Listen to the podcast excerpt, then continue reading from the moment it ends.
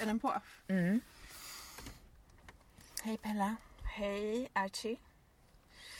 Vi ska introducera våran podd. Ja, Nu sitter du här och röker i min bil. det är en skogsdunge. Och jag vill gärna ta till protokollet att det är en biogasbil. Just det. Och vi har varit um, och Är din, är din biologisk din cigarett där? Den, eh, den heter La Cigarette i alla fall. Vogue. Mm. Mm. Svårt att få tag på annat. Jag är glad att du lyckades. Um, Välkommen till vårt första poddavsnitt. Vi har precis döpt podden. den heter Begäret. Och så har vi en undertitel. Transrationalitet i en galen tid. Helt, alltså jag älskar det namnet. Mm. Bra. Och vi har varit och pratat begär med um, Jonna Bornemark. Och jag är så nöjd med att vi får prata begär med en professor i filosofi. Det känns som en bra nivå. Det känns som en jättebra nivå och eh, som vi sa, som du sa, att hon är liksom ändå en av vår tids intressantaste tänkare just nu. En bra början. En väldigt bra början. Vi sätter ribban på en gång. Mm. Varför gillar du namnet begäret? Men det handlar väl om det här med att, eh, att det är det som påminner oss om att vi faktiskt lever och att vi vill någonstans. Att vi inte är statiska mekaniska varelser utan vi är vi, vi har någonting, en drivkraft och, och begäret det förutsätter ju också att man blir förförd. Och förförd av vad? Det, det finns så mycket man kan bli förförd av. Det finns så mycket som vi idag blir förskräckta av. Just det.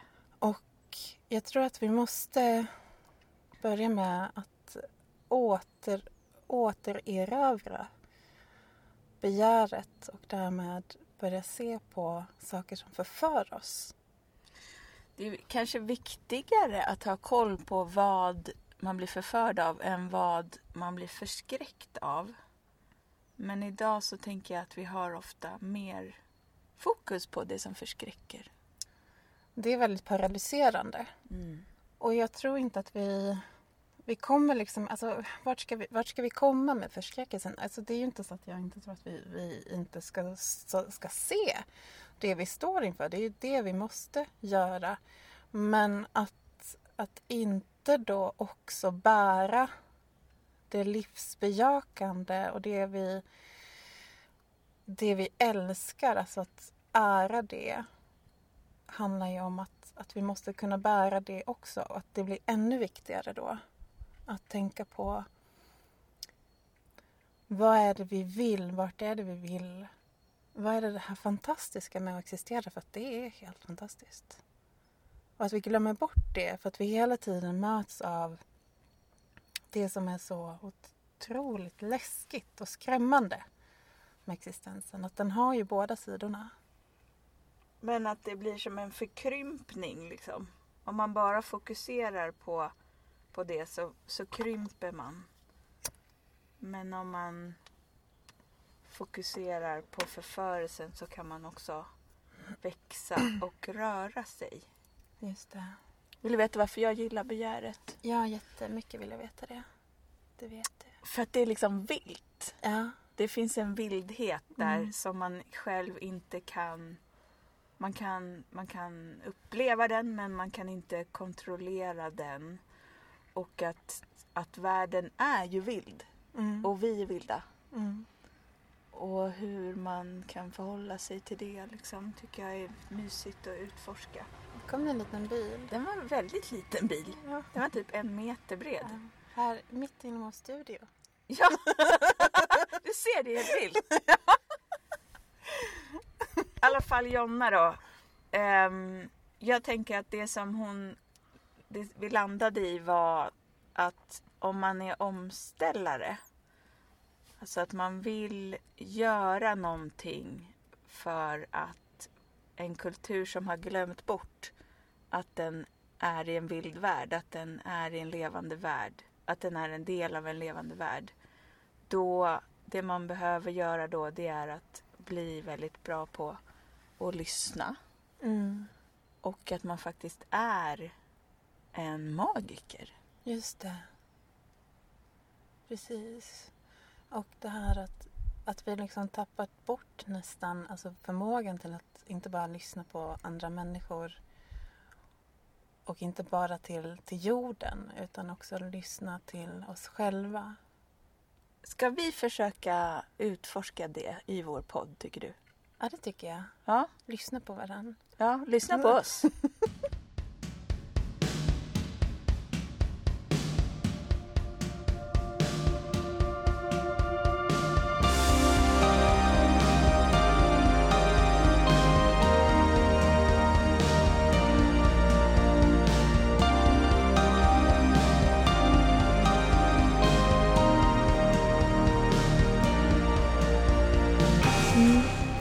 kört igång. Så vi kan liksom börja prata.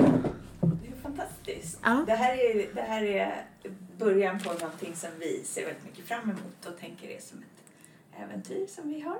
Mm. Och eh, vi jobbar ju med omställning av samhället väldigt brett. Och vi vill prata med dig för att vi tänker att du är en av de mest intressanta tänkarna i Sverige på det området. Vilken komplimang. Ja. Så kul att vi fick komma hit. Ja, men verkligen. Eh, jag tänker att de flesta känner dig, men du kanske kan säga någonting, typ så här, vem du är och vad du håller på med, Mm. lite kort. Eh, Ja, men eh, Jonna Bornemark, professor i filosofi, jobbar på Centrum för praktisk kunskap. Så att eh, som filosof så ligger jag väldigt nära konkreta erfarenheter, eh, nära frågor som känns relevanta och, och viktiga i vår samtid. Eh, men har ju en förkärlek för eh, gamla döda människor som man på olika sätt kan göra levande idag och som kan hjälpa oss att få syn på vår samtid och liksom den kris vi befinner oss i på nya sätt och på så sätt liksom hjälpa oss att tänka idag. Precis. Och vår podd kommer ju vara ett samarbete med Omställningsnätverket och som Pella sa så jobbar vi ju mycket med de här frågorna som vi står inför och hur vi ska ställa om. Och där handlar det ju mycket om så här att vi går behöver gå in i någonting som vi inte riktigt vet. Och det är ju lite intressant utifrån det du har skrivit om att vi har ju liksom rationaliserat bort den delen av kunskap som du skriver i din bok eh, Omätbaras renässans. precis, som intellektus. Eh, du hade ju en fråga där, ville du ställa den kanske nu på en gång? Ja, det kan jag göra. Och det handlar om just det som, som vi tänker på omställningen som en slags... ehm, att vi faktiskt går in i det okända. Att vi vet inte vad vi ska göra nu. Mm. Som kultur, som samhälle. Och vi vet inte vart vi ska. Eller hur det ser ut där. Mm. Så att, och du skriver så fint om det tycker jag. Om, om det här med att vi behöver kunna tänka om, experimentera, leka, förhålla oss till det okända. Men det som jag är nyfiken över det är det du skriver om, om liksom det kartesianska förhållningssättet till begär. Mm. För att vi jobbar ju mycket med det här att vi, måste, vi, att vi nu är, är rädda för framtiden. Mm. Men om vi ska kunna skapa en framtid som, där vi faktiskt mår bra och där allt mår bra då måste vi kunna begära någonting som vi inte ens vet hur det ser ut. Ja. Precis. Ja. Vill du säga något om... om... Ja, men det är ju en, en jättespännande eh, situation. Och till att börja med så vill jag bara göra tydligt att jag alltså liksom hör till den tanketradition där man tänker också att eh, vi hör till en kultur som har tänkt på ett visst sätt. Mm. Och om vi står i en kollektiv existentiell kris där den här kulturen också liksom har slagit huvudet i väggen, vi kommer inte längre, så måste vi tänka om grundkategorierna Mm. och fungera på ett annat sätt. Ehm, att, att liksom bli en återvändsgränd, men kanske inte en där vi bara ska backa och gå tillbaka i samma spår, utan vi måste hitta en annan, ett annat sätt att tänka, en annan eh, väg. Mm. Helst utan att allting behöver bryta samman totalt. Och det är ju den intressanta frågan om, om vi som mänsklighet är förmögna att göra det eller inte. Men vi måste ju i vilket fall försöka med det. Och då är ju frågan, hur gör man det? Och det är då man står i den situation som du målar upp. Att, jaha, de, vi, vi kan inte bara i alla fall börja problemlösa utifrån den kunskap vi redan har.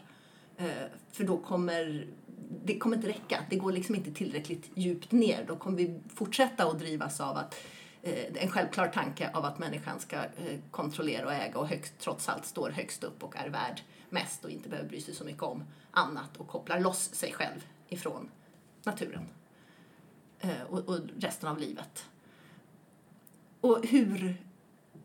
Och det är precis där, i den positionen, som vi behöver inte veta och ge utrymme och kanske till och med känna den där hopplösheten, alltså för att icke-vetandet för att um, ska gå tillräckligt djupt ner så kan det inte bara vara en liten så här seminarieövning. Nu ska vi testa hur det känns att inte veta och så går man därifrån. Jag tror att vi emotionellt verkligen måste kanske bli desillusionerade en stund, kanske känna um, på riktigt att det här är liksom, dels så är det så djupt fel och dels så vet vi liksom inte vart det ska ta vägen och finns det någon öppning? Och bara där så är det ju så att livet har en fantastisk förmåga att hela tiden skapa nya former, skapa mening. Så när vi väl kommer in, alltså om vi släpper så kommer någonting att träda fram. Just det, när vi tappar den gamla meningen. Ja, och det är ju någon sorts grundläggande förtröstan som, eh, som jag har, som jag tror att vi måste ha för att kunna släppa. Mm. Också. Ser, ser ni liksom skillnaden där? För om man bara så här, blir, blir helt nihilistisk, ingenting spelar någon roll, då kan jag lika gärna bete mig hur som helst och behöver inte jobba för någonting. Men här, där, så det är inte den, det är icke-vetandet jag är ute där, efter. Nej, det är där begäret kommer in. Ja. hur ska man längta efter en framtid som man inte kan ha kontroll över?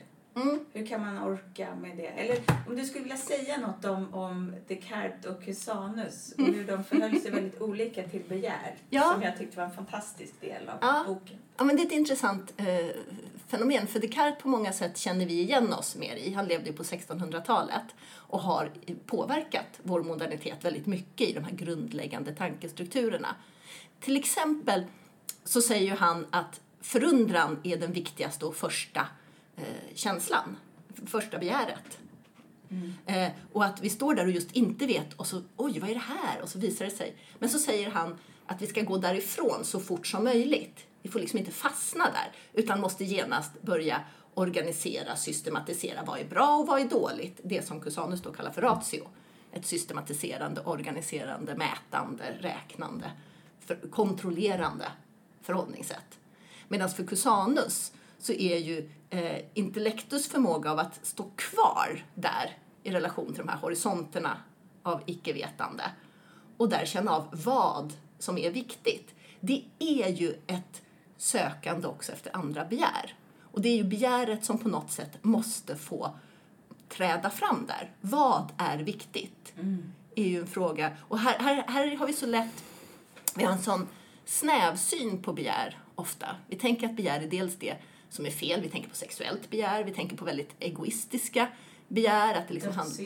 Ja, mm. precis. Och att det handlar om att tillfredsställa mig och mitt. Men vi har ju också ett kunskapsbegär. Vi har ett begär efter en framtid. Vi har ett begär efter um, att, att, låta liv leva. Så att jag tänker att, att um, jag vill inte låta ordet begär bara vara på de delar som vi uppfattar som negativa. Utan det är ju begäret som öppnar världen framåt. För att det är bara där vi kan känna på riktigt vad som är viktigt. För vi kan inte hitta på det. Det måste på ett sätt komma eh, utifrån eller, eller komma till oss. Och det är där jag behöver ordet paktivitet. Just. För vi har så lätt att tänka att vi antingen är bara passiva offer för de här begären. Eller så är, har vi en aktiv vilja som vill precis det den själv bestämmer att den vill. Just det. Och den tudelningen tycker jag är liksom problematisk. Mm. problematisk. Istället så kommer ju all vilja, alla begär någonstans så är det inte jag som bestämmer utan de kommer och sen kan jag fånga upp det och sen så eh, formar jag utifrån det ett förnuft och ett förhållande till mig själv så jag kan få syn mm. på mig själv så att jag kan få syn på andra begär och kan börja organisera, systematisera så småningom. Så att jag, jag, liksom, det finns en rad med dikotomier här som jag vill in och så här, Just det. Mm. Vrida om lite. Vrida om lite. Mm. Var det ungefär det du tänkte på i begär? För jag har lite olika begärsdiskussioner. Ja, nej, men den där var underbar. Jag, jag älskar den. Jag tänker fortfarande på vad, vad det betyder. Ja. För jag tror att det är också um, en av de sakerna som vi lite grann måste jobba med är just idén av att vi är den här eh, skapelsens krona som har förnuftet och kan tänka ut de rätta svaren. I det här, den här begärsrörelsen jag pratar om så måste vi ju kanske ännu mer också kunna lyssna på det som inte är jag. Mm. Och sen fortsätta den rörelsen i mig. Och, och ja, göra någonting med den. Också ta ansvar för den. Och liksom, där kommer ju alla våra mänskliga liksom, förnuftsförmågor och så vidare. Så jag vill inte klippa av dem. Men de måste kopplas till saker som kommer utifrån oss själva. Mm.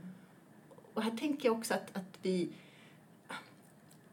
vi har, just för att vi är levande så har vi också lätt att förstå. Vi, vi, vi har alltid en spontan förståelse för det levande.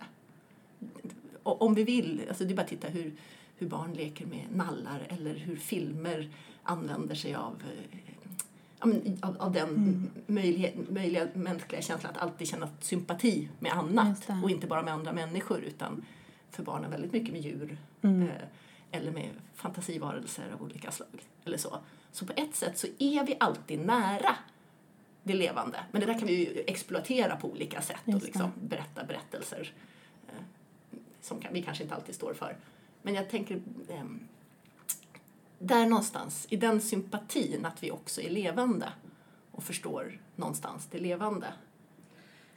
Just det, för, för du har ju beskrivit det som utifrån mest den mänskliga sfären som en livsdränering. Mm. Att vi behandlar oss själva och andra människor mer och mer som objekt som ska mätas och kontrolleras och uppnås effektivitet med. Mm. Och det pågår ju nu en, en i högsta grad liksom global livsdränering mm. som vi kan mäta också med, med mm. en skenande artutrotning och så. Och jag som kommer mycket från hållbarhetsfältet, jag ser ju hur svaret på den situationen, när vi liksom uppfattar att det är fallet, det vi börjar göra då det är att eller det som uppfattas som ett relevant svar är att bli bättre på att mäta och kontrollera mm. för att naturen, för att bruka naturen mer effektivt. Mm. Just det. För skulle du vilja... Ja, till att börja med vill jag säga att, att um, en ratioutveckling och en intellektusutveckling inte, um, vi måste inte välja. Vi måste inte välja att vi antingen ska utveckla teknik eller tänka om. Vi måste göra båda två mm. samtidigt. Eh, så, att jag är inte på något sätt emot att man utvecklar en teknologi som använder våra resurser eh, mer effektivt. Det vore ju vansinnigt att, vara emot det. Men jag tror inte att det räcker. Utan jag tror att det här omtänkandet är, är eh, någonting annat som vi också behöver göra och ge lite mer tyngd.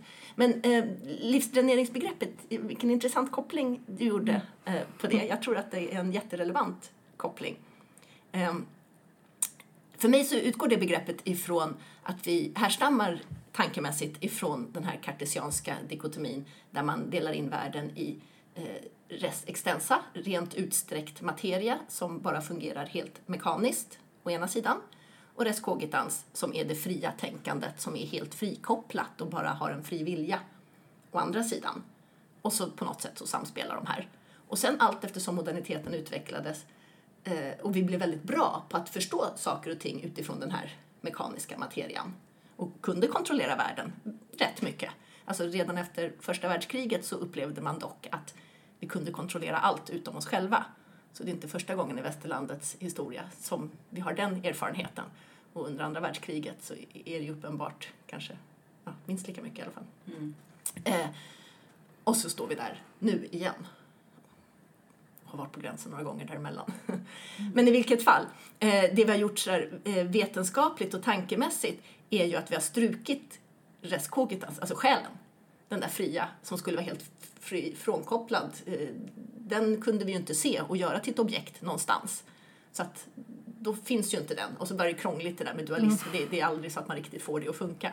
Så det är bäst att vi bara tar bort den och så förstår vi med andra ord oss själva och vår eh, fria vilja och tankeapparat och så vidare som bara ytterligare ett objekt. Mm. Och så tittar vi på hjärnan som ytterligare ett objekt och tror att vi på så sätt kan just skapa kunskap om allt. Mm. Det man då glömmer är ju att vi fortfarande tittar. Mm. Alltså, vi är inte bara det som blir tittat på, utan vi är det som tittar. Och där finns ju subjektiviteten, Mm. där finns tänkandet. Och det är ju alltid så vi skapar kunskap. Vi är alltid subjekt, vi kan liksom inte komma bort ifrån det. Och så har vi hela tiden försökt göra oss av Just det. med den delen av oss själva. Eh, och det är här någonstans jag pratar om livsdränering. Att vi inte, för, för det är ju det där oss som tittande som är det levande. Vi, när vi gör om saker till, till objekt så på ett sätt så förlorar de ju sitt liv. För de blir ett objekt för min levande blick. och så ser jag inte min egen levande blick som levande. Och då har jag tagit bort det levande helt och hållet. Och kvar är bara mekanisk materia. Och här är det lite intressant om, eh, för så har vi ju länge tittat på djuren. Descartes hörde ju till dem som tänkte att djur bara var mekanisk materia. Så det är inte omöjligt att liksom titta på människan på samma sätt. Och på livet, och då finns bara problemlösning kvar på något sätt, hur vi ska lösa den här mekaniska materian. Men eh, eh, sanningen är den att jag har slutat i den här livsdräneringen eh, på det här konkreta sättet av att eh, vi är på väg att massutrota en massa varelser. Och för att vi inte riktigt ser dem, för att vi inte liksom värderar det levande. Vi värderar profiten. Vi värderar en viss typ av eh, framsteg eller eh, organisering. Och då har vi inte värderat det som lever. Det har liksom inte haft någon kraft. Och plötsligt så befinner vi oss liksom helt bortom kontroll. Alltså Mm, när hela exakt. Australien brinner och Ja. vi bara oj då, vad, Ja. vad, men vad ska vi göra nu? Ja. Ja, men det är jättefascinerande hur ett gigantiskt kontrollbegär ledde till total kontrollförlust. Och, jag är, alltså, och det hänger ihop med att vi inte ser vårt eget begär att kontrollera som en del av det levande. Och att liksom, vi måste förhålla oss till det och då också se hur vi är del av det här levande.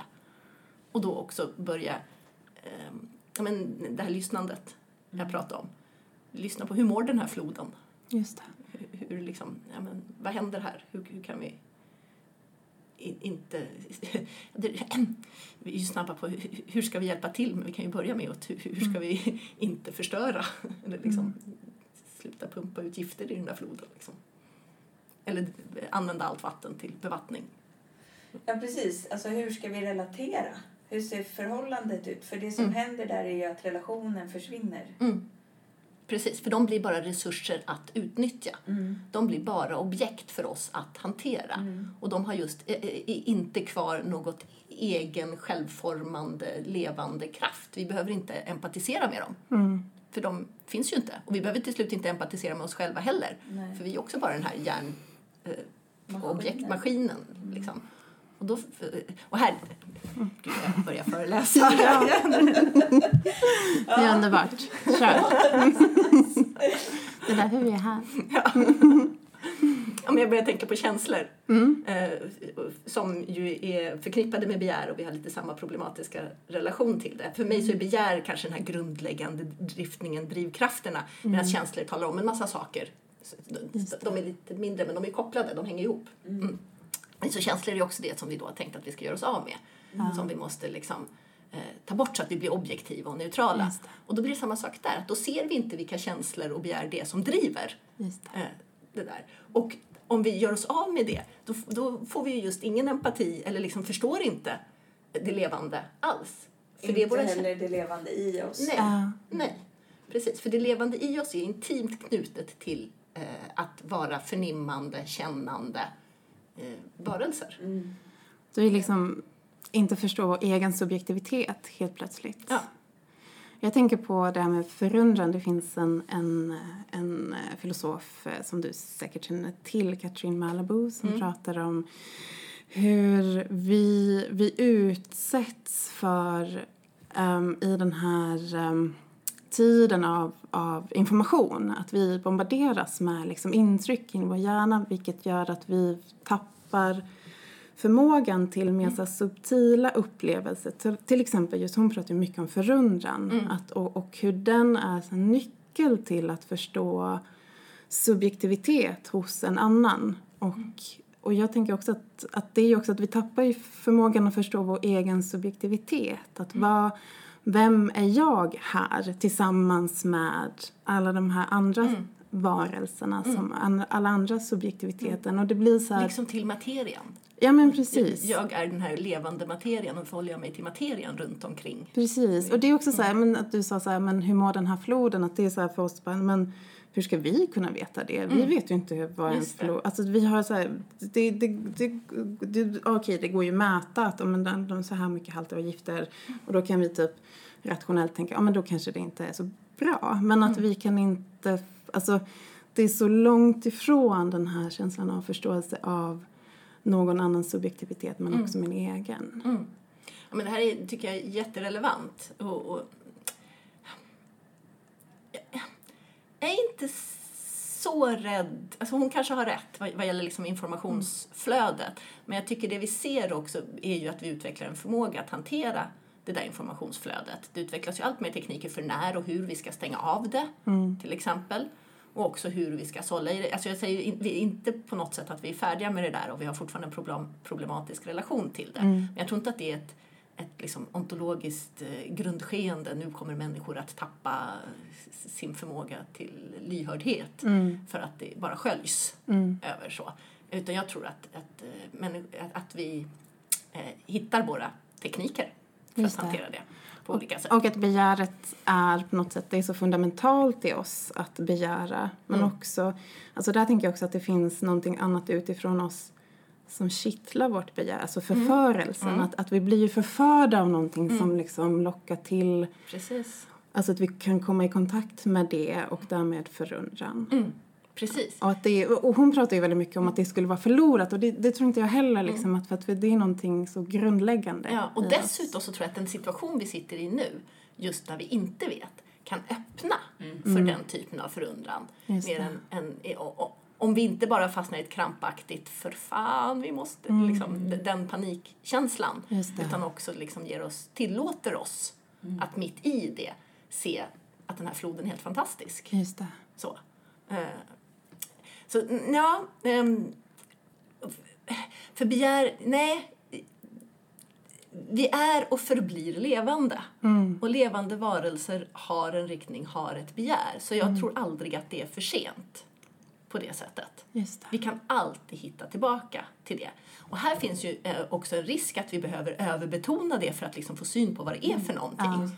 Eh, och, och, och behöver bli, i vissa människors ögon, hyperflummiga för att få syn på någonting. Som, eh, och det, här, är lite upp till olika människor hur, hur man behöver göra det här. Men att tillåta sig det då, om man känner att man behöver det. Men lite grann då också lyssna på, men vad behöver jag för att väcka den här förundran och eh, lyhördheten? Det var någonting med förundran som jag var på väg mot. Precis. Ehm, och det här främmande. Eh, för, för här är vi ju så en gång att vi som sagt har haft en tendens att förstå begär som väldigt egocentrerat. Men jag tycker det du säger är jätteviktigt. Att precis samtidigt så är det där egocentrerade, det handlar ju kanske inte om att maximera mig utan förundran är ju en del eh, av, av ett begär. Och att jag liksom vill dit, att jag vill förstå det. Och att jag vill, men här finns liksom den här paradoxala relationen ehm, som eh, ja, men i erotiskt begär så vill jag ju både ha den andra och helst sluka den andras, liksom äta upp dess gränser och bara inkorporera den in i mig. Och samtidigt vill jag att den ska vara kvar. Just det. Precis, för det är den där jag begär. Och jag vill att den ska vara så. Och, och det är en väldigt paradoxal situation och det skapar en spänning. Ja, ja. Men det är den spänningen är liksom poängen. Just Det det. blir liksom ett rum som, som håller ihop saker och ting. Och det begäret tror jag att vi behöver utveckla. Eh, och, och nu säger jag inte att vi ska gå runt och ha sex med allting vi ser omkring oss nödvändigtvis. inte, ja, vill man det så för all del så länge det är konsent. Men, men, men det, jag menar bara att det handlar inte bara om ett sexuellt rum utan liksom att den spänningen kan ju handla om kunskap. Kan handla om liksom, och, och när det gäller kunskap så tänker jag att det på samma sätt är Ja, men jag vill förstå det här fenomenet, jag vill förstå det i botten. Jag vill liksom utveckla det, jag vill liksom äga det i, med hela min tankeapparat. Och samtidigt vill jag att det ska vara främmande. Just det, exakt. Vill jag att, det, ska, att, det, att det är större än mig. Precis. Och inte bara att jag vill det, det är det. Just det. Alltså det är alltid större än allting. För, för mitt tänkande är och förblir ändligt. just Och allting jag vill förstå pekar bort mot andra oändliga horisonter. Mm. Och den, alltså jag tänker att den spänningen, för jag, jag tycker om kunskapsbegäret och att liksom förstå och gräva och så, men det måste behålla den här andra sidan. Och här har vi varit så, här har vi hela tiden fokuserat på begärets ena sida, Mm. det här ätandet. Medan det här eh, behållandet av de- den, dess mystik är något som vi inte alls har förstått oss på. Så. Och så upptäcker vi att, men, men alla som håller på med någon sorts vetenskap är medvetna om att den finns. För att vetenskapen är död när inte de horisonterna finns kvar. Just det, när den blir För den statisk. drivs ju alltid av att, ja men den här frågan, ja men då ställer det de här frågorna. Och så- Men den där, det där är så fundamentalt för det är ju så hela livet är uppbyggt. I Ja. det här att upprätthålla sig själv och sina gränser och ta in världen i dem men fortfarande upprätthålla gränserna. Men samtidigt ingå i hela tiden helheter Ja. som är större. Precis. Så jag tycker väldigt mycket om att tänka i så här rum av paradoxer. Att, eh, för vi hör till en tradition där vi tänker att paradoxer är motsägelser och de ska vi lösa. Så att vi vet Just det. alltså vi har svar rätt. Men här tänker jag de här eh, paradoxerna mellan till exempel att äta och eh, hålla kvar eh, så, som en sån här valvbåge. Och du gav en annan eh, sån valvbåge här i, i, att ja, men det kan vara att se jag menar att ha kunskap och, och mystiken. Att se det situationella, det kontextbundna och det universella som finns i varje litet sandkorn. För att allting just är sammanbundet, allt finns. Eh, och istället för att se det här so- som att vi måste välja antingen eller så spänner de upp som så gamla romerska liksom, valvbågar ett rum som vi kan vara i och tänka i. Och har vi inte de där paradoxerna så kan vi varken handla eller tänka. För då fanns det bara ett. Eller begära. Eller begära. För då fanns det bara ett och då var allt redan utstakat. Ja, men här måste vi agera. Här, de, på ett sätt så tar vi emot de här. Men där måste vi också vara aktiva. Och ha ett omdöme och kunna handla och liksom tänka och leka och testa. Så att, är ni med? Liksom, Ja. det, det, det är ett annat sätt att liksom tänka på vilket rum vi befinner oss i och Just vad det. uppgiften är. Så istället för ett statiskt rum så är vi ett extatiskt rum. Absolut. För det extatiska är ju poängen att det, det är mångdimensionellt och liksom står ut åt olika håll. Precis. Och, är liksom, mm. och, och, och, och ibland kan man ju, eh, det, det är ju mystikerns liksom, tillfälliga känsla av att tappa all kontroll och därmed vara det här rummet. Men då är man just ingenting på ett sätt. Och sen tillbaka och bli en individ som har en Just det. position i det här rummet och är på väg någonstans. Så apropå den extatiska. Liksom. Jag, jag är det här. Det. universum. Till syvende och sist. och, här, och nu är vi inne på liksom ett annat tema som jag tycker är jättekul, nämligen Ja. vad vi kan hämta ifrån olika eh, äldre eh, traditioner som vi lägger in under rubriken religiösa. Vilket är i princip allt tänkande då innan eh, renässansen. ja, men, eh, och alla andra kulturer och alla andra Ja. som inte är vi på något sätt. Det moderna viet. Ja. Eh, vilket i sig jag tycker är ett problematiskt sätt att bygga upp en distinktion. Att allt det där är samma. Just Och det. det är bara vi som är annorlunda. Precis. det. det är, ja, extremt onyanserat. Så jag är inte förtjust i begreppet religion. Nej. Men lika fullt, det, det, om, jag är ju förtjust i både mystika och magiska traditioner. Det. Inte för att återupprepa det och tänka exakt som de gjorde, men vi har också vansinnigt många fördomar om hur de tänkte och vad de gjorde. Så att liksom återuppfinna det och hitta liksom parallella sätt. För det som är det centrala i båda de traditionerna är att det handlar så väldigt mycket om att förstå sig själv och världen som levande. Just. Och där i, för magiken mer än för mystiken, agera och handla. Just det. Och så där finns det så mycket att hämta. Medan vi lätt, ja men det magiska, det är så här Harry Potter-trolleri. Eller liksom, vi, vi så reducerar det väldigt snabbt till någonting eh, som vi har förkastat och definierat oss mot. Just det. Men ser du en slags renässans också för magin därmed? För att det är ju någonstans där vi befinner oss i den här handlingsförlamningen och bara klimatförändringarna. Vi vet Mm. verkligen hur ska det här gå till och det är som att det behövs ett mirakel för Mm. att ta oss till någonting som är bättre.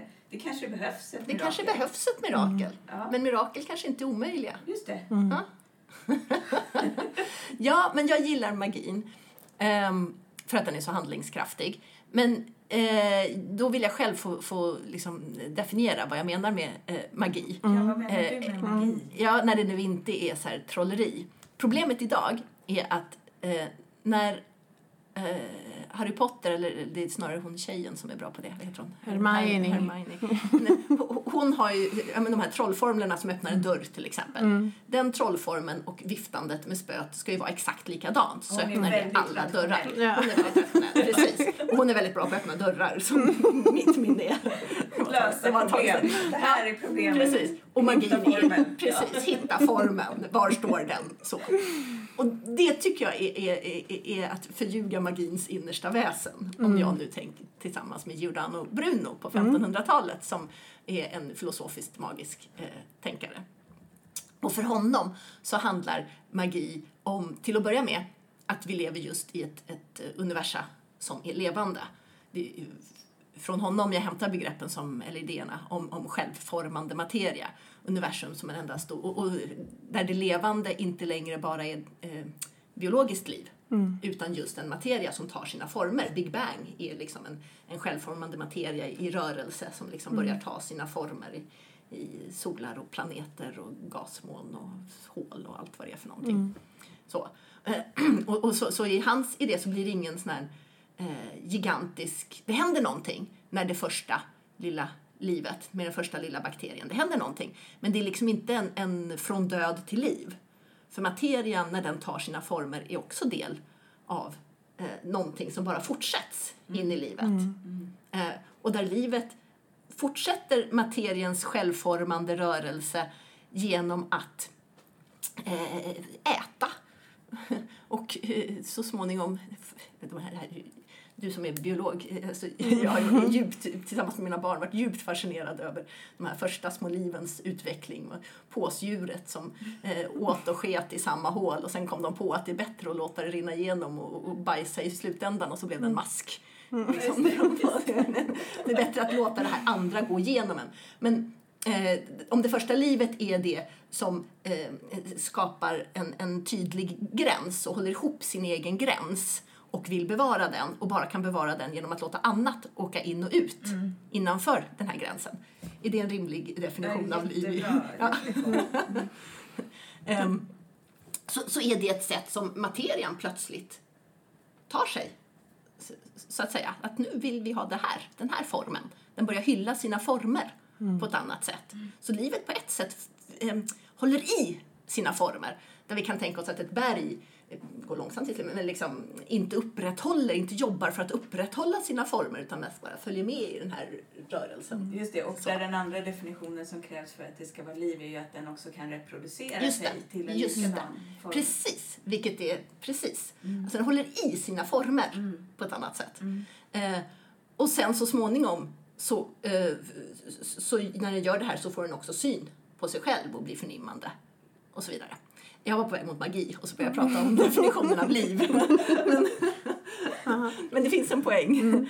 Ehm, nämligen att eh, det levande, att det självformande är större än livet men sen fortsätter i livet och att vi är del av det. Att, förstås, eh, och det här är så absurt, det, det är liksom så självklart att människan är en del av den där självformande materien på det sättet bara är en förlängning av, jag tycker väldigt mycket om den här lavalampa bilden där, som liksom delar sig, blir en form, faller samman. Alltså, vi är del av den lavalampa-rörelsen. Ehm, och, och här blir det ju uppenbart att vi jobbar ju stenhårt på att bevara våra egna gränser. Och döden och det som hotar mina gränser är ondskan. Det, det är ont. Men hos Bruno så, så blir ju inte det, för det, det är materian som liksom vill ta nya former. Så, vi måste dö för att det ska kunna komma nya. Ehm, så. Men, Die to live som Hegel sa. Ja, precis. Det, är, finns en massa, alltså det här är ju ett tema som har kommit igen och som finns i allt det vi kallar för religion. Liksom, den, det konstaterandet att vi är ändliga och det finns en anledning till det. Eh, b- bara som ändliga så kan vi ha de här specifika gränserna också. Men, så, så det här är liksom ett levande universum till att börja med, där magin liksom tar plats. Så vi kan inte gå in i vårt mekaniska universa och börja tänka magi där. Det är i grunden en annan syn på eh, vilken typ av universa vi lever i. Men i den då så kan vi fortsätta den här rörelsen och här kommer den här paktiva rörelsen som jag var inne på förut. Att det här livet tar form som mig. Och här föds och blir jag ett jag som vill någonting. Som kan se tillbaka på mig, på min historia, som kan agera, som kan omforma. Och att ha den relationen till det här levande är, och då också att vara magiker. Och att liksom låta mina viljor, eh, som återigen inte nödvändigtvis behöver förstås som egoistiska, eftersom det som är bra för mig mm. är det som är bra för andra och jag mår bra om andra mår bra. Mm. Så att det finns, vi är så snabbt inne i att tänka att antingen är det egoistiskt eller altruistiskt. Just det. Och det tycker jag också är, jag blir helt det är så, så otroligt mm. irriterande. Varför mm. det? Ja, det resonerar väldigt starkt med omställningsrörelsens kultur. kan ja. man säga. Att vi måste ta hand om oss själva ja. för att kunna ja. ta hand om mer än oss själva. Absolut, mm. absolut. Och dessutom att vi har den här blicken som gör att vi faktiskt kan få syn på och vi kan göra saker som, så att mm. liksom saker och ting blir bättre för de former som finns nu. Och ha ett omdöme och bedöma när är det dags för att låta någonting dö. När är det dags? Alltså, och här är ju så tydligt när min mormor var riktigt gammal och hade haft rätt ont och haft det jobbigt så var min känsla så väldigt stark att ja, men du får gå nu. Mm. Det, hon, hon, mm. det, det, var liksom, ja, men livet tog slut där, det är jättesorgligt, vi mm. saknar henne, men du får gå mm. nu. Mm. Medan um, ehm, en bekant vars barn blir sjukt, mm. eller uh, pappan i 30-årsåldern uh, blir, uh, får cancer och blir dödssjuk Nej, du får inte gå nu. Det här, mm. det här är ondska. Mm. För du måste få ha din form. Så det är inte döden i sig mm. som är ondska. Nej. Utan du har någonting att göra här. Mm. Som, så vi måste göra allt för att försöka mm. få det. Att, mm. äh, få finnas kvar, den formen. Och det är magi. Att då hjälpa till att bevara den där formen. Läkekonst är definitivt magi här. Um, och magin ännu mer då. Eh, för läkekonsten kan ju dels, om vi tar det som exempel, eh, handla om att hitta en massa lagbundenheter, eh, evidensbasera fram olika mediciner som funkar på olika tillstånd. Fine, jättebra, men det är liksom en ratioverksamhet och som ökar vår kunskap och som kan, alltså fine. Men det är inte riktigt där magin är.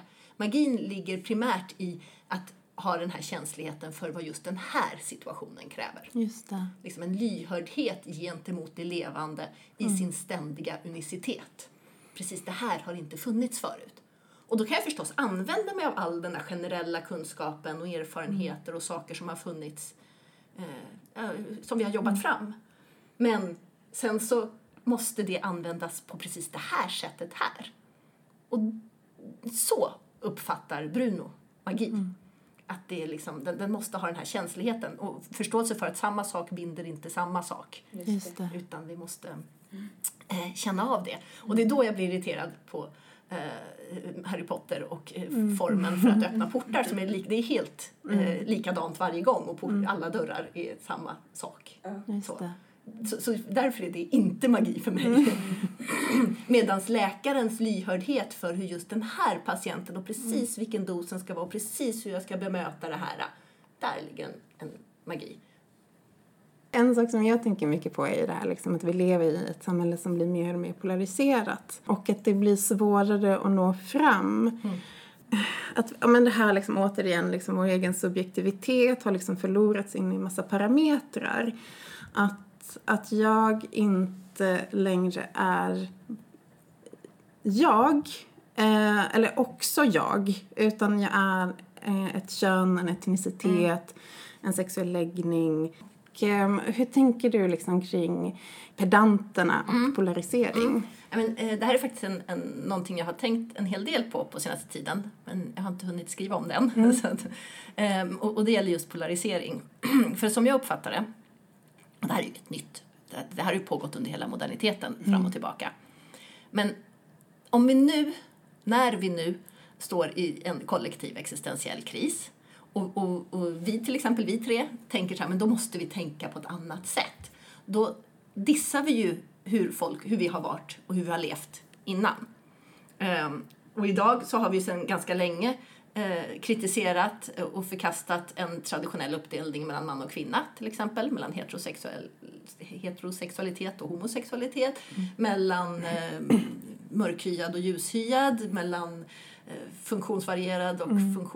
Funktionstypisk mm. eh, och så vidare. Alla de här just mm. kategorierna som vi pratar om. Att alla de, att, att få syn på dem och att protestera mot dem är ju någonting som har pågått i, i flera hundra år. Med olika intensitet i olika frågor. Eh, men idag då, så, för jag tänker på, på um, eh, varför högerpopulismen blir så stark idag. På ett sätt är det inte ett dugg förvånande. För starkare än någonsin så kommer då kravet på att ja, men, det är något fel med oss. Vi måste tänka och leva på ett annat sätt. Och då det- kommer, ser vi hur en del av befolkningen tänker ja och, och dessutom går in i det här med väldigt starkt emotionellt engagemang. Allt vi har gjort är fel. Så fort du, språket, du får inte använda det där ordet. Du får inte tänka på det sättet för det är det gamla, det är det vi ska, det vi ska kasta ut. Och så vet vi inte riktigt vad som är rätt sätt att tänka på. Så det blir liksom en ganska polisiär och, och moraliserande hållning. Nu måste alla göra rätt och rätt är det här. Och det, dels den funktionen och dels funktionen då att känna sig anklagad gör ju att den andra delen av befolkningen känner att ni säger att jag bara har gjort fel. N- Ni säger att allt med mig och det jag står för och det jag känner att jag är tycker ni är fel. Just Klart som 17 att det bara kommer ett automatiskt, så, så, som ett, inte längre som ett brev på posten. Alla våra metaforer kollapsar. Som ett mejl. Som ett mejl, precis. Som ett mejl i datorn. Så kommer ett autoreply närmast. Ja, Vi får skapa en autoreply, Ja. är det faktiskt. För att hitta nya metaforer. så, är, eh, så vill jag ha kvar eh, kvinnan i köket, köttet på tallriken, eh, den homosexuell i garderoben och eh, blatten i sitt ursprungsland och så vidare. För, för, för att bara bevara, för det är det jag är och det blir ännu viktigare att hålla fast. Och ju mer anklagad jag känner mig, desto mer igelkott Ja. blir jag. Ju mer måste jag försvara det här. Egentligen så högerpopulisterna är ju bara hyper... Eh, eh, kon, inte konventionella, konservativa är ordet jag letar efter. De är bara extremt konservativa. Och, Och, och båda de där positionerna på sätt och vis kommer från kontroll ja, Mm.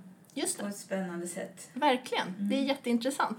Och, ehm, och det går att förstå. Alltså jag kan förstå alltså emotionellt båda positionerna, var de Verkligen. kommer ifrån. Eh, det, det är liksom inte... Det, det är bara lite, eller, mest av allt tycker jag väldigt sorgligt. Ja. Alltså jag blir lite ledsen Verkligen. när jag ser det och, och hur upp, fastlåsta Ja. folk då blir i de här två lägren. För det finns ingen... eh, det finns liksom inga öppningar. Och, och det, det blir bara, nu tänker jag på högerpopulismen igen, eh, slutet. Och som sagt vad är det första man vill kontrollera? Jo, kulturen. Mm. Som måste vara på det här sättet. Och som inte får vara fri och sökande. Mm. Och- Utan som är, degre- alltså som man alltid har sagt i alla totalitära Mm. kulturer. Som är förfallen eh, på något sätt och måste återupprättas till det här fina ursprunget. Just det. Och det är kulturen som är ju en av våra arbetsplatser där vi tänker om saker och ting. Det är vad vi har kulturen till. Så att, eh, eh, bara vad gäller SDs eh, attacker på eh, den fria kulturlivet, Sölvesborg och andra platser, att vara explicit. Ehm, men men så, så, så den här polariseringen är, är inte så märklig och då är frågan men hur hanterar vi den? Och den låser just in oss i, jaha, men då är du en så här, eh, veganflata eh, och, och, och du är en sån här brackig eh, som flyger och säger fuck Greta eller Mm. du, ja men det blir väldigt enkla Mm. och, och vi kan just inte mötas. Nej. Och nu, jag, jag, ehm, jag har inte tänkt igenom allt som Stina Oskarsson har gjort, men jag tycker att hon har en poäng i att det, det viktigaste vi kan göra är att börja eh, prata. Det, Ja. det, ehm, och, här, och argumentet mot det är ju att ja, men då måste vi prata på deras villkor och, och liksom öppna portarna för den. Eh, Men vi har ju redan sett den här gigantiska omsvängningen i, i värderingar och hur man pratar om framförallt invandrare. Det är väl där det har märkts allra tydligast. I miljöfrågan har vi ju inte sett eh, s- samma omsvängningen. Fuck Greta-rörelsen är inte så stark. Nej. Liksom. Så som eh, den Men rasistiska uppgång, rörelsen är. Men på uppgång tror jag. Säkerligen, och det vore konstigt på ett sätt om den inte vore det. För det är liksom människans, den här igelkott-reaktionen Mm. Som är eh, sorglig. Och ett förhållande till den andra. Och den Ja. andra som invandrare är väldigt tydlig. Ja, men den andra exakt. som natur är lite är mindre. svårare. Ja. Och, och då blir det vetenskap, eller, eller någon som, men ni har mätt fel. Ja, precis. Mm. Liksom. Det, det är inte sant. Eller så. Och så blir det sanningsfrågan Just det. istället. Mm. Eh, Så det, det, det är ju där sanningsfrågan börjar liksom det. eh, spinna runt. Mm. Och hur, hur kan vi tro på vetenskapen? Mm. Och titta på den här vetenskapsmannen. Det finns en person som säger något annat. Just det. Och så finns det 10 000 som säger det första. Mm. Att det faktiskt är- mänsklig påverkan på klimatförändringarna och att de är reella. Men den, ena, den enda han är faktiskt inte köpt. precis, precis. Mm, exakt. Ja, så, så det... Så, och jag tycker det är en jättesvår situation. Men det enda jag kan se är att lyssna och prata. Mm. Faktiskt. Och därmed är vi lite tillbaka där vi började faktiskt. I behovet av att lyssna mer. Mm. Och jag tänkte på... För, för lyssna betyder ju, om vi nu pratar om högerpopulister, betyder ju inte fortsätta på din tanke. Det betyder att hitta lite så här common ground. Just det. Att hitta ett område där vi faktiskt båda är människor och kanske inte heller känna att nu måste jag omvända dig Nej. till det rätta på en Exakt. gång. För, för det, då, då, då, då bara, det är som att slå huvudet i en vägg för då blir båda två bara hårda. Ja, då har man ju inte lyssnat. Då har man inte lyssnat. Nej. Nej. Men för det handlar inte om att lyssna bara för att jag ska förstå dig. Utan Nej. det handlar väl snarare om att skapa rum där vi Ja. kan lyssna på varandra. Mm. Och det är ju någonting väldigt, väldigt svårt Ja. såklart. Mm. Och här vill jag ju, alltså, ehm, ja men varför, eh, varför känner du att det här är ett hot mot dig? Kan, kan, alltså, varför känner du att det är ett hot att det finns fler muslimer eh, på ditt barns skola? Till exempel. Varför, vad, vad är det du är rädd för egentligen? Kan, utan att liksom börja eh, eh, lägga på all, alla stereotyper innan. Alltså, vad, vad är det du egentligen är rädd för? Och det kanske är någonting reellt, det kanske är något som inte är reellt. Och kan vi liksom möta det? Kan vi prata om det? Precis som jag tycker att inom skolväsendet, just när- vi pratar om eh, att ha slöja till exempel, så kan man göra det till ett jättestort problem. Vi måste förbjuda slöjor. Eller så tittar vi efter, vad är problemet? Jo, men i vissa fall på förskolor så är det bra att se ett minspel. Att se de vuxna, alltså små barn behöver se vuxnas minspel. Det, det står jag för. D- Där, jag tror inte på burka i relation till små barn. Det har inte heller muslimska kvinnor hemma i relation till sina små barn. Eh, utan det har man ute. Eh, så, så när man är med barnen så, ja men okej, då vet vi det. Där är inte burka så bra.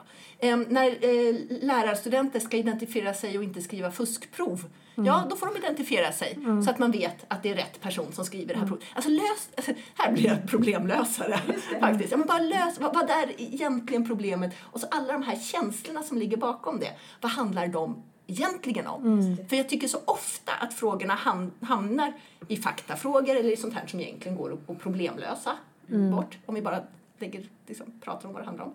Ehm, men eh, vi lägger liksom det som om det handlade om det. Men egentligen handlar det om mycket, mycket större och, och emotionella och begär och så, där vi behöver eh, mötas. Där, och, och, och, vi är så rädda för att prata om de känslorna. Jag tror att vi skulle prata mycket mer om känslan av varför jag känner mig hotad. Och då skulle vi närma oss också kanske terapeutiska samtal. Verkligen. Som vi antagligen behöver. Ja, verkligen. En processledare jag känner hon säger så här, du kan aldrig tala någon till, till ömsesidighet eller Nej. förståelse men man kan lyssna någon till Mm. förståelse. Precis.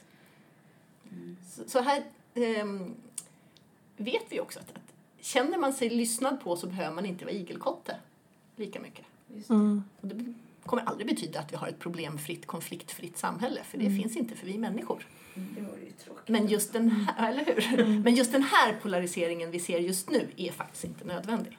Ja, för jag tänker att vi är så himla snabba med att kalla folk för rasister, homofober. Alltså att, att, att, och det är också sådär liksom väldigt så i det här ratiotänkandet.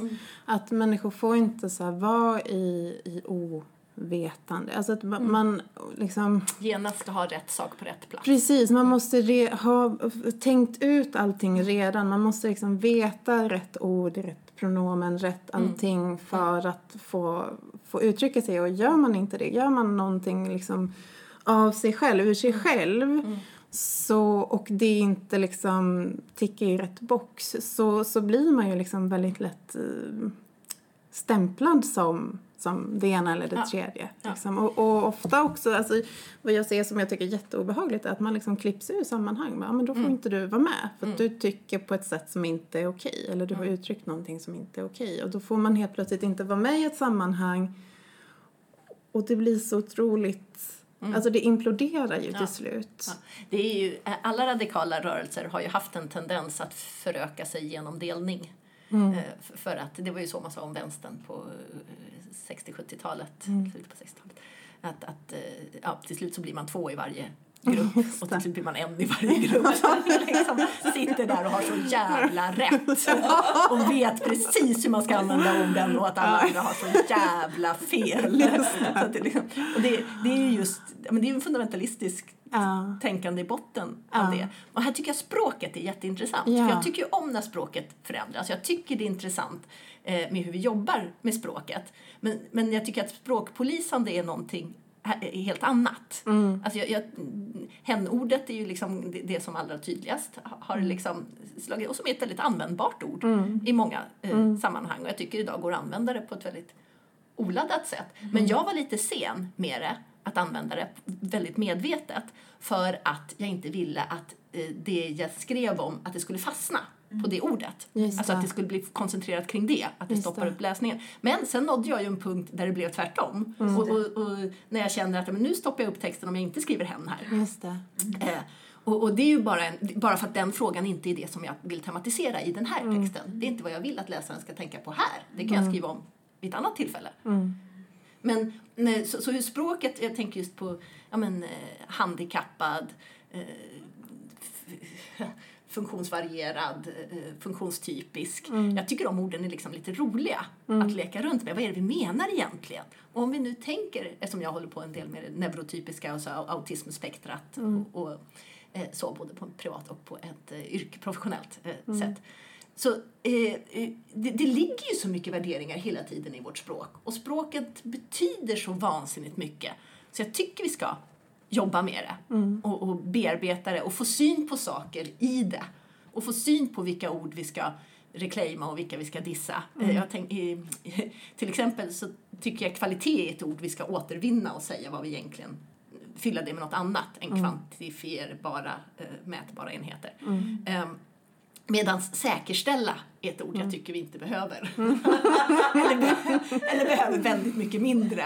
För väldigt ofta använder vi det på ett sätt så, på områden där det inte går att säkerställa. Just det. Du kan säkerställa ovisshet. Kan Ja men eller hur, eller hur? Det blir bara kväks av alltihopa. Så att här tänker jag att vi, vi ska vara medvetna kring språket för det, det, det möjliggör vad vi tänker och hur vi kan tänka. Men därifrån till att polisa tycker jag är, alltså polisandet är ju andra sidan av den språkmedvetenheten. Och den är, är minst lika farlig som att bara vara hyperkonservativ i relation till språket. Just det. Så det är där någonstans polariseringen ligger. Jag tänker lite avslutande. Ehm, jag har två frågor. Men eh, första är, vad är viktiga steg att ta om man vill bryta pedanternas herravälde?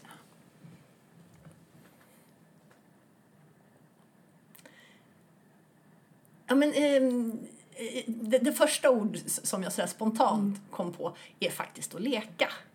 För att någonstans så är det det pedanterna inte gör. När det just var pedanternas eh, den betoningen. Inte främst kanske en miljöförstörande, kontrollerande människa utan den här som vill ha allting på plats och allt i sina boxar och tror att vi på så sätt kan kontrollera och äga och, och mäta allt. Att leka med siffror, alltså inte leka med siffror som, det låter som att man bara hittar på eller liksom, men, mäta något annat. Att testa vad händer om vi gör så här? Vad, vad, vad, för jag tänker att leken och nyfikenheten ligger nära den förundran vi pratat om innan och ligger i, en aktivitet. Alltså förundran är ju på något sätt en känsla men en lek är en aktivitet eh, där vi testar och det, här och, och det är väldigt levande för att leken till skillnad från spelet inte har färdiga regler utan hittar på sina regler allt eftersom har regler. Men, men det är det vi skapar i leken här. Nu får du vara hund och, och så är, är jag katten och så eh, får du vara våran ägare och så får du ge oss mat där. Då hittar vi liksom precis på eh, reglerna och så testar vi. Och vad är det att vara det här livet? Och vad är det att vara det här livet? Så att just när du frågar mig just här, just nu idag så känner jag att ja, men hitta nya lekar. Och jag tänker att konsten, kulturen är ett avancerat eh, sätt att leka på. Och att vi på det sättet också kan det, rucka loss gamla föreställningar genom att leka med dem. Ge- Genom, inte genom att bara lämna dem och säga det där är fel. Utan sjutton, gå in i dem då, då så Just det. busa runt med dem. Och så, ja. så, för det är ett sätt att också bearbeta saker och ting. Vi kan inte bara säga det där var fel, så ska vi inte, nu ska vi tänka på ett helt annat sätt. Vi sitter i någonting och då måste vi, och om det känns som en rustning, som är helt stel, så, så måste vi göra om den här rustningen till lera. Och det tänker jag är liksom leken som, som gör den så här, kan röra runt och titta nu blev det det och titta nu blev det en groda, nej det blev en krokodil. Mm, vi, vi pratade om att vi skulle ha en, så här, en fråga till alla. Ehm, som vi skulle fråga i slutet. Nu vet vi vilken det är. Jag, tänk, lägger fram den. ja, jag, tänkte, jag, jag tänkte så här, man skulle kunna fråga vad blir du förförd av? Oh, Det är en bra fråga. oj. Vi provar den. Mm, ska vi prova ja, vi den? den. Ja. Ska du fråga den? Vad blir du förförd av? Oj, oj, oj. nu är frågan hur ärlig man ska vara. Det handlar om hur du upprätthåller dina gränser och så. Precis. Oj, vilken rolig fråga. Ehm.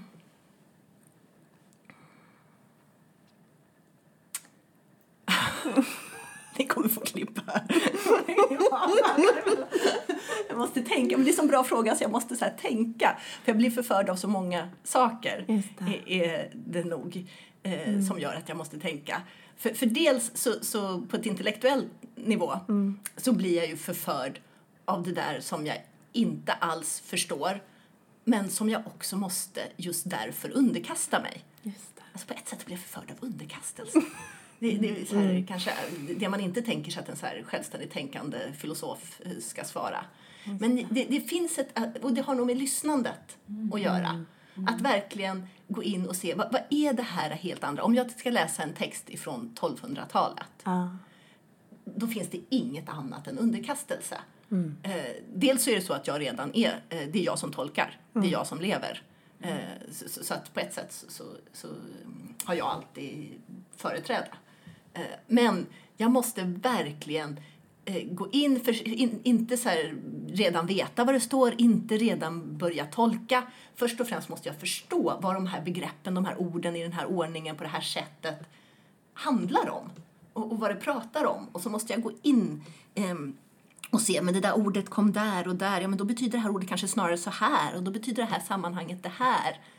Så, så, eh, att på det sättet bara få sjunka in i att låta den texten helt forma mitt tänkande. Eh, det, det, det är en, en, då, där någonstans så förför den mig. Och jag vill bli liksom förförd av det här som är ett helt annat sätt och som kan under ett tag få liksom genomsyra hela mig. Och sen så är jag ju en paktiv varelse, så det här är ju liksom den passiva sidan. Och sen så bakas ju det av mig. Och sen när jag, när jag skriver min text så är ju det min paktiva aktiv, ak, liksom, Det är något jag har gjort. Så. Så, så det är inte den här texten rakt ut. Då hade jag ju bara kunnat ge den texten till er. Utan jag gör ju någonting med den i den här paktiva rörelsen och så blir det väldigt kreativt. Så, men jag tror att jag väljer ordet underkastelse också för att vi är så ovana. Vi har så många negativa Ja. konnotationer till det. Jag älskar det. Ja. Tusen tack. Tack. Tack själva.